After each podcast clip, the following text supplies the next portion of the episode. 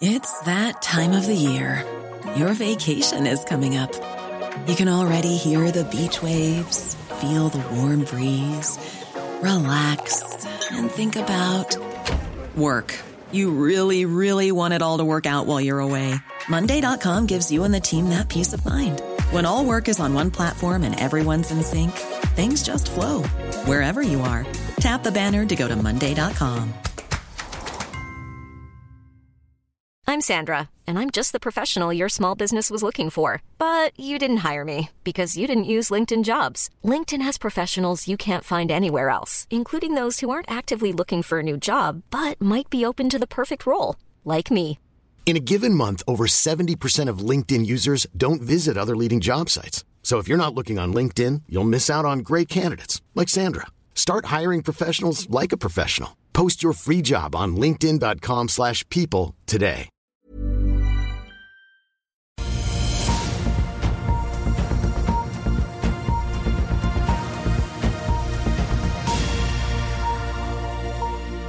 En riktig god morgen og velkommen til Børsmorgen her hos oss i Finansavisen.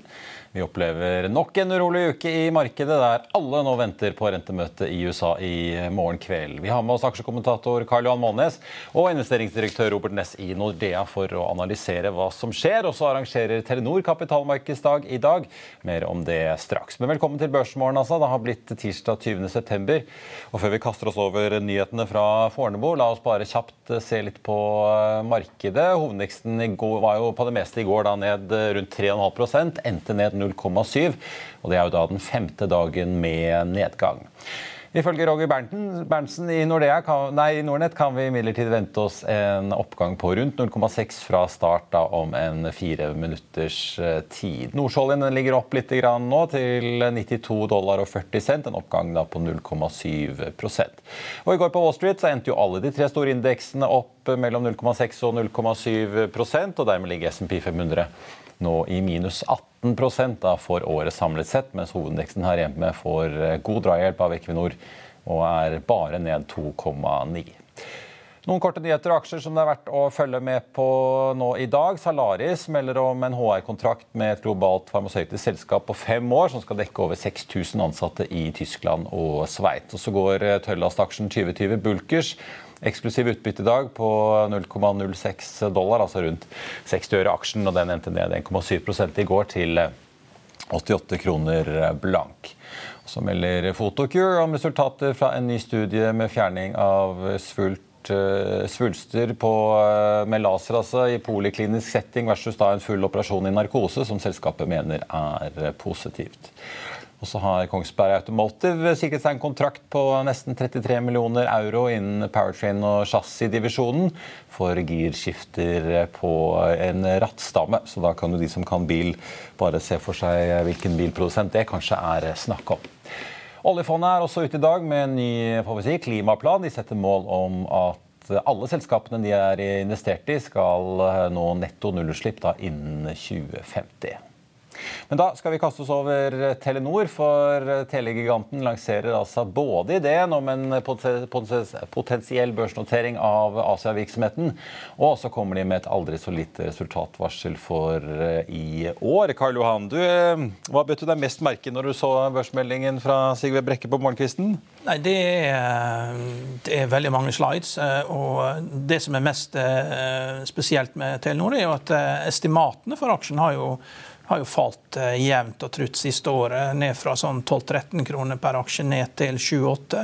Og Det har jo vært både for 2022 og 2023. Det er jo uavhengig av det, det som presenteres. Så Det er jo helt tydelig at uh, her har alle analytikerne sniffa ut at det er uh, problemer. Og, det kom ganske mange sånne reduserte kursmål jeg merke til de siste par ukene nå, rett før kapitalmarkedsdagen. Ja, så det er jo mulig at de har, har, fått litt hjelp til dette her også. så, så det, det, er jo de tallene, altså summen av alt det analytikerne gjør, som teller. Ellers så, De skal jo gå gjennom dette. her, Det er jo fem timer med presentasjoner i dag, så jeg tror nok det at Eh, det skal jo spennende å se hva som skjer med de estimatene eh, eh, for resten av uka når man får oppdatert. Da. Men det, det, er jo tydelig at det, når man da vil organisere dette med Telenor Asia og ønsker å, å lage eget selskap slik at man da kan børsnotere det, det er litt spesielt. For jeg vil jo tro det at disse selskapene de har i Asia, har mer verdi hvis du selger de individuelt, enn hvis du selger de i en pakke. Eh, fordi at dette her har jo blitt en eh, business som er strategisk viktig for enkelte regjeringer. Vi ser jo sånn som Viktor Orban som ønsker å kjøpe seg inn i andelen av selskapene. Og når du får 5G, da, så det blir jo en del av kritisk infrastruktur. Så i hvert fall Norske myndigheter har vært veldig opptatt av hvem som leverer eh, basestasjoner og nettverksutstyr. Ja, og like, har jo ikke likt at uh, Huawei skulle levere seg særlig mye. Det, det, er ikke hvem som helst som kan få lov til å eie dette. her, så det er på lang sikt. altså Dess, mer, dess raskere disse systemene blir, og dess mer uh, integrert de blir, dess mer blir jo dette her, må jo det være statlig eid hvis du skal ha full kontroll på det. Du kan ikke la verken kinesere eller russere eller andre sitte og passe på dette her, fordi du får for mye informasjon. Men altså, Til 90- og 2000-tallet dro jo de ut i den store verden og etablerte seg i Asia Øst-Europa, masse forskjellige steder. De er jo en av de på en måte europeiske aktørene som faktisk har klart å etablere ja, seg som en gigant i uh, Asia.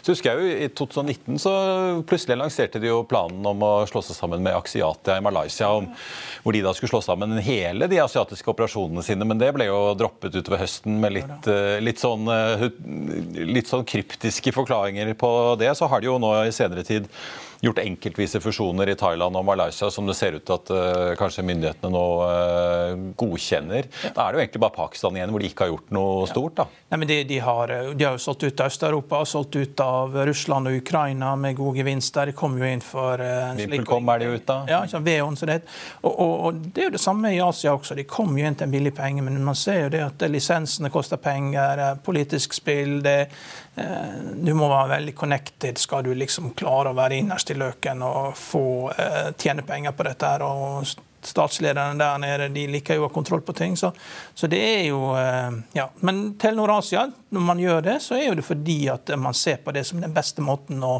redusere eksponeringen på. Det gjorde man jo også med Veon, da, med, eh, med Russland. At ikke sant, man har organisert satte Kyivstar og VimpelCom sammen i ett selskap istedenfor å selge de separat. For det de sier de skal gjøre, altså, de skal bygge ja. nummer én-posisjoner. Eh, så de vil jo åpenbart slå seg sammen der de kan da, for å kare seg opp fra nummer to-tre til én. Ja. Nei, så det, De hadde sikkert hatt uh, veldig mange rådgivere inne på dette. her, og uh, Hvis de ikke da kan uh, få organisert det sånn at du får en ok dividende på det, så, så får de nok solgt det. ja, Det er bare spørsmål om pris.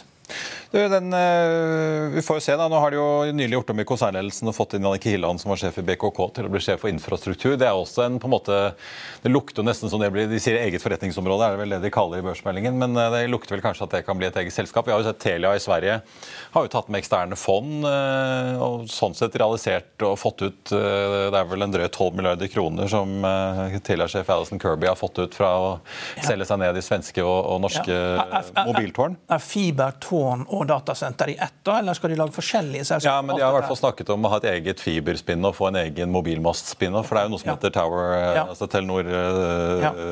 Tower, heter det vel. Uh, og så har, i, I sommer begynte vi å snakke om dette fiberselskapet i tillegg. Så det er jo tydeligvis to divisjoner av under Jannik Hilland. Norge er et lite land, vet du, så hvis du hadde tatt alle tre sammen, så hadde du fått et større selskap for, for bredere interesse. Hvis det er finansielle investorer ute etter nå. Ja. Men de har slått sammen i Norden. altså ja. Det er jo åpenbart at de kanskje er eh, rundt og snakker med noen eh, store fond som kan være interessert i å investere i, i eh, noe sånt. Så får vi se hva Hilland sier på podiet etterpå i dag. Men vi må innom, altså denne aksjen er jo ned 24% så langt i år. Litt ned i børsmeldingen så kommer det frem at de tror ikke lenger at de heller når da det reduserte EBTA-målet om en flat utvikling i år fra i fjor. Skylder på energiprisene. En litt lite resultatvarsel der inne? Nei, men EPS har gått stadig ned. Når du halverer EPS sakte, men sikkert i løpet av et år. Så det er klart, det, du, må, du må jo utslag i kursene.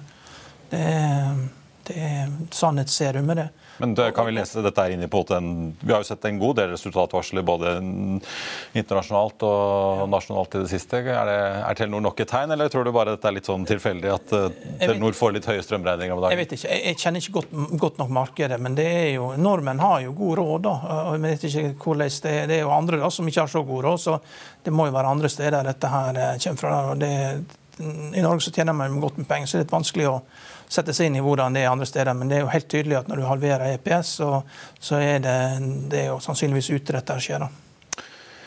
Litt eh, senere i dag i Økonominyhetene så får vi besøk av Telenors eh, finansdirektør Tone Bakke og DNB Markedsanalytiker Frank eh, Maae. Så da blir det mer om alt som Telenor har å presentere i dag. Vi skal straks få med oss Robert Ness i Nordea, men vi skal ha en liten reklamepause. Vi er tilbake rett etter dette. La oss i Finansavisen hjelpe deg med å holde deg oppdatert på alt som skjer i finans og næringsliv. Hver morgen er jeg, Marius Lorentzen, og aksjekommentator Karl Johan Målnes på plass i studio for å ta tempen på dagens marked i Børsmorgen. På ettermiddagen oppsummerer vi alt du trenger å vite i Økonominyhetene, og så får vi selvfølgelig besøk av masse interessante gjester. Du finner oss på fa.no-tv, eller ved å søke opp Børsmorgen og Økonominyhetene der du hører på podkast. Velkommen tilbake til eh, Børsmorgen. Eh, vi kan nå se litt på de første tallene fra handelen. Hovedindeksen på Oslo Børs opp 0,7% til 1174 poeng. Og så får vi ta med Telenor, som eh, ser ut til å gjøre det ganske bra på starten nå, opp 1,4% Så kan det altså kanskje være, som Karl Hanen var inne på, at tallene i forkant var tatt ned så mye at folk kanskje er litt positive overrasket over hva som kommer fra Telenor. Nå har vi med oss Robert Ness i Nordea. Robert, velkommen og god morgen. Hva, hva syns du om det som har kommet fra Telenor så langt? da? Nei, altså det er ikke, det, det er ikke flust med gode nyheter. Men klart kursen har vært svak, så en hadde ikke forventet så mye. Så jeg tror liksom summerer det opp, så er det vel egentlig greit nok. Det, sånn, det, blir jo litt sånn taktskifte hvis de faktisk skal børsnotere og eventuelt da si ha det til Asia-virksomheten sin etter hvert? Mm, ja, det var jo stjernen som dere kommenterte tidligere. Sant? Så har vært mye stang ut det, det siste året. Så, så, så, så der er det slitt. Men klart, hvis du ser aksjen sånn, etter lav avkastning som det har vært nå, så, så har en utbyttegild på, på 9% Så det gjør jo at um, ja, det begynner å se litt mer se, se litt attraktivt ut.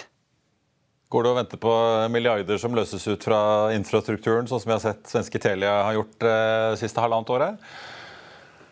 Altså, klart, det, det, er muligheter. De må jo kanskje gjøre noen grep, sant? for det er belastning å, å ha så lav aksjekurs som de har hatt over tid. Sant? Så jeg tror nok markedet forventer at, eh, at de etter hvert gjør noe smart. Men klart, Telekom det er ikke bare Telenor som har vært svak.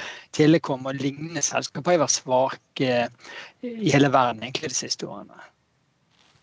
Vi må snakke om eh, resultatvarsler. Det er jo en liten en bakt inn i Telenors eh, rapport her eh, om EBT-en deres som de hadde trodd skulle ligge flat i år. Klarer ikke det likevel, ser det ut til. Men vi har jo fått store som Fedex, som veldig mange snakket om. I går kom Ford og snakket om at de regnet med en milliard dollar ekstra i kostnader med økt inflasjon. Så kom jo Vår Energi da med denne kostnadsmelden på Balder-prosjektet sitt her i går. og er det en stor trend der nå, eller er det litt sånn tilfeldig at det dukker opp litt sånne ting nå utover høsten fordi man har kommet så langt i år at man begynner å få litt bedre oversikt?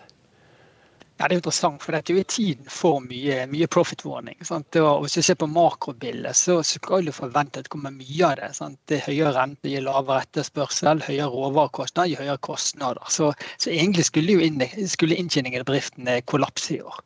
Men det du forunderlig nok ser, er at hvis du ser globale aksjer, summerer alle selskapene bottom up, så har de 12 høyere inntjening i år enn i fjor forventet. Selvfølgelig energi er mye, mye, av det. Tar du vekk det, så er det 5% Jeg faktisk så på de globale aksjene nå i morges siste, siste, uke, og selv om Fedex dro det mye ned, så ble summen egentlig helt, helt greit. Det er rett og slett få andre selskap som har vånet. Nå er det for så vidt litt tidlig og, og våne, siden resultatene først skal legges frem om en måneds tid. Men, men liksom, det er ikke så mange som har full Fedex ennå, så det kan jo være et, være et positivt tegn.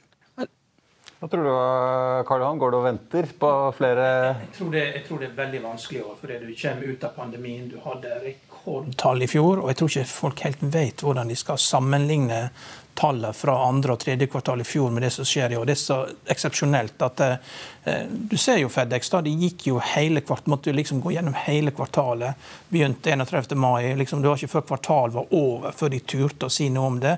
Og det er på tross av at resultatene hadde svekket seg hvert eneste uke over hele verden i alle segment. Så jeg, jeg tror jo vi hadde forberedt på at eh, det kommer ganske mange overraskelser. Eh, spesielt med alle som bruker energi. Men jeg tror det er også sånn at det er så store tall da, at man venter til man har full oversikt med, før man kommer ut med det. Fordi 50% fall på EPS, sånn som FedEx gjør, det er egentlig ikke en profittwarning, det er egentlig et rop om hjelp. At dette, her, dette, dette fungerer ikke. Vi, vi, trenger mer kunder. Ja.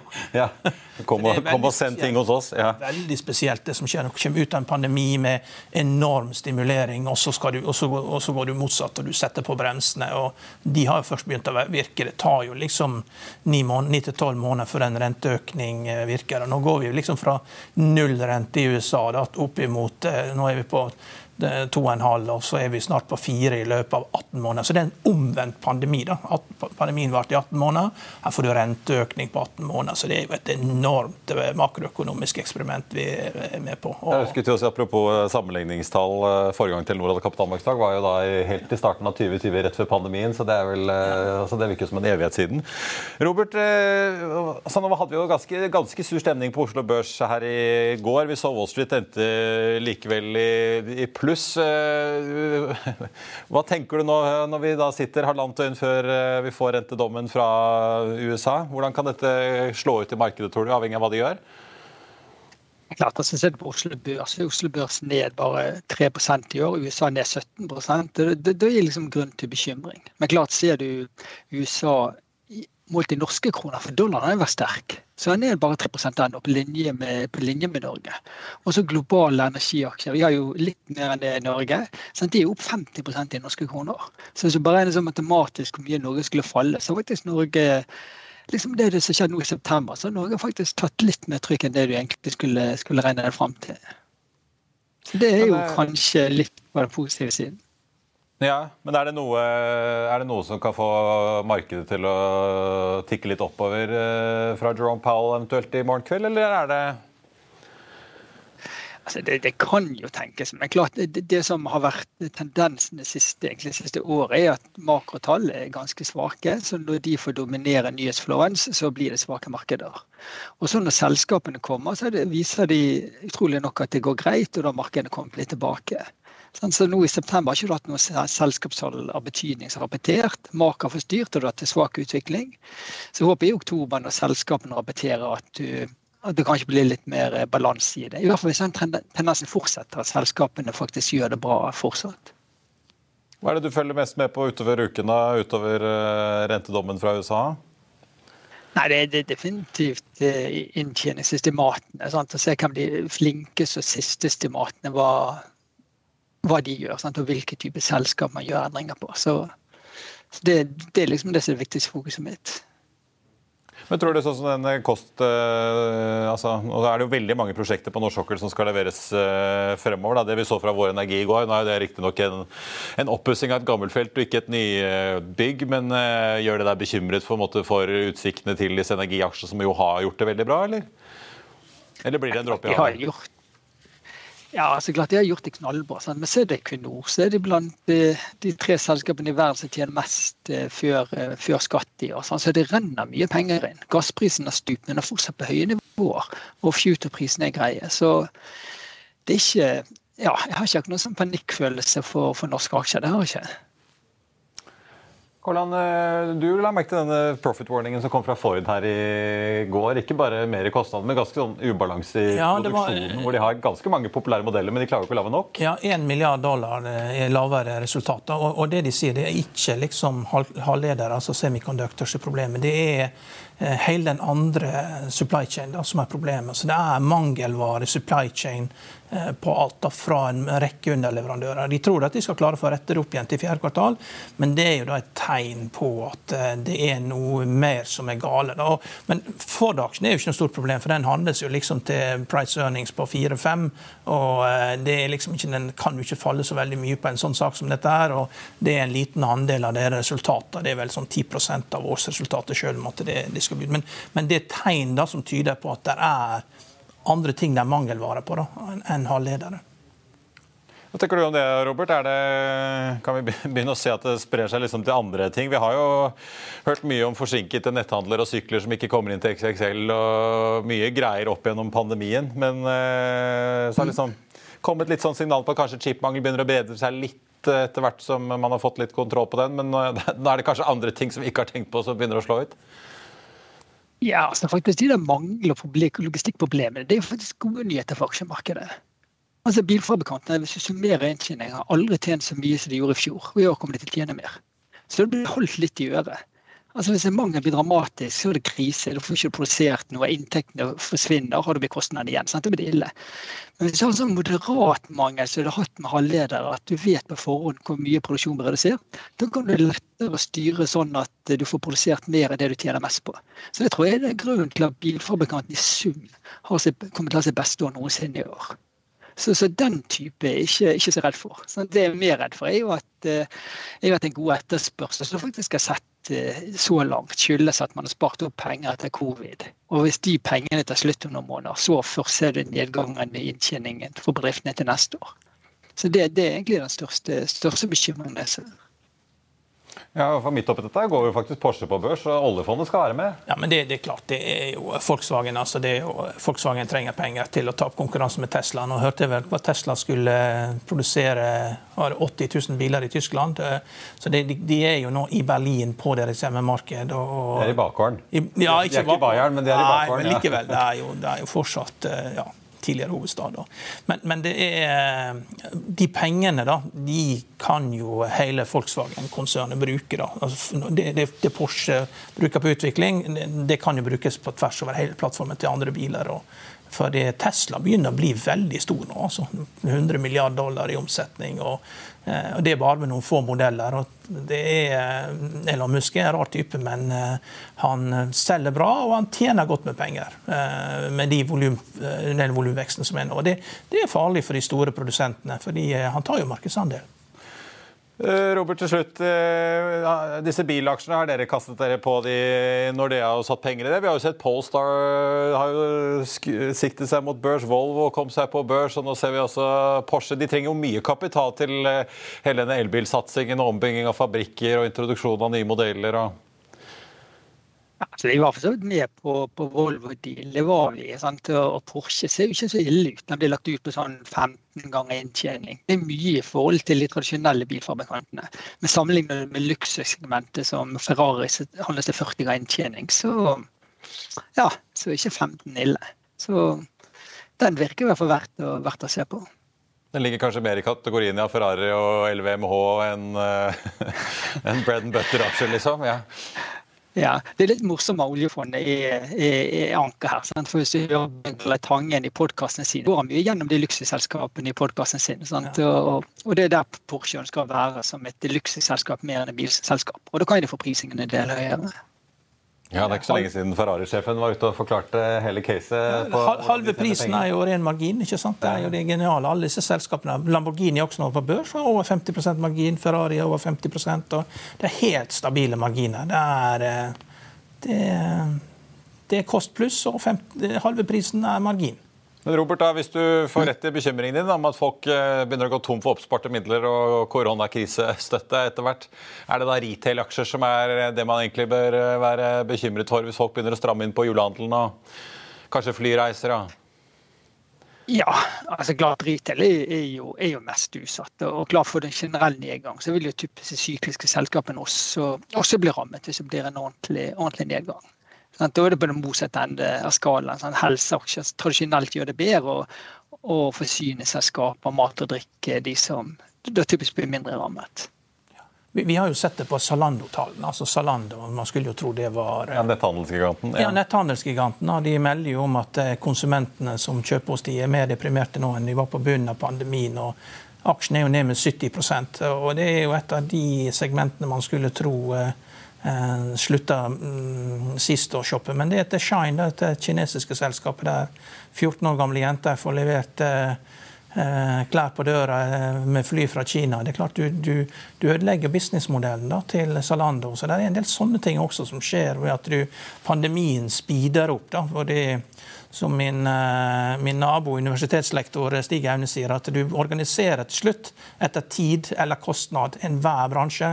Og klær, sånne billigklær da, som du har liksom hatt lange forsyningskjeder med da, fra Asia med NSM Auris, og kanskje eh, frakter de med båt. Altså, til slutt da, så er det ikke kostnad som betyr noe, det er tid. Og da er det en rekke klesforhandlere som får problemer i Europa, hvis det er tiden som betyr noe. Det var jo Sara i sin tid som viste seg å være litt kjappere enn HM. så ja. da plutselig vokste de ble så store. Ja. Du Robert Næss, tusen takk skal du ha. Vi får uh, følge med ja. på rentemøtet i morgen kveld. Og så får vi ta med at børsen er fortsatt opp 0,7% så da har vi ikke gjort så mye galt. Takk skal du ha. Jeg tenkte bare på slutten å ta med altså, hovedindeksen på Oslo Børs nå opp 0,8% til 1175. Telenor ser ut til å gjøre det veldig bra etter eh, forholdene. De er opp nå litt over 2% etter da, den første børsmeldingen om, eh, med nyhetene, da, hovedpunktene for kapitalmarkedssaken som er i gang. Sigve Brekke har vel akkurat gått på podiet nå eh, klokken ni. Så blir det tettpakket program da frem til litt over eh, lunsj. Nordsjøoljen ligger opp 1,1% til 92,70 nå. Det gagner jo oljeselskapene blant eh, annet, selv om de ligger litt bak hovedindeksen. Verdt å ta med seg at Vår Energi stiger nesten 1 da, etter et kraftig fall i går på 5,7 etter da varselet om kraftige kostnadsøkninger og litt forsinkelser i Balder X-prosjektet. Ellers får vi ta med blant eh, vinnerne i dag. Norse Atlantic opp 10,4 eh, Edda Wind også opp 7,5 eh, så der går det bra. Ellers er Harmony Chain på tapersiden sammen med Havyard. Begge de er ned en 6-7 begge to. På listen over de mest omsatte aksjene ellers kan vi jo eh, ta med at Frontline ligger inne som nummer tre med en oppgang på 2,4 Golden Ocean opp 6,1% ligger også inne på eh, listen der. altså. MPC Container også gjør det veldig bra, opp 5,5 og Det var børsmålen for denne tirsdag 20.9. Husk å få med deg Økonominyhetene klokken 14.30, der vi altså får besøk av Telenors finansdirektør Tone Bakke og DNB Markets eh, telekomanalytiker Frank Maae. I mellomtiden får du som alltid siste nytt på FA.no gjennom hele dagen. Vi ønsker deg en riktig god dag videre. Takk for nå.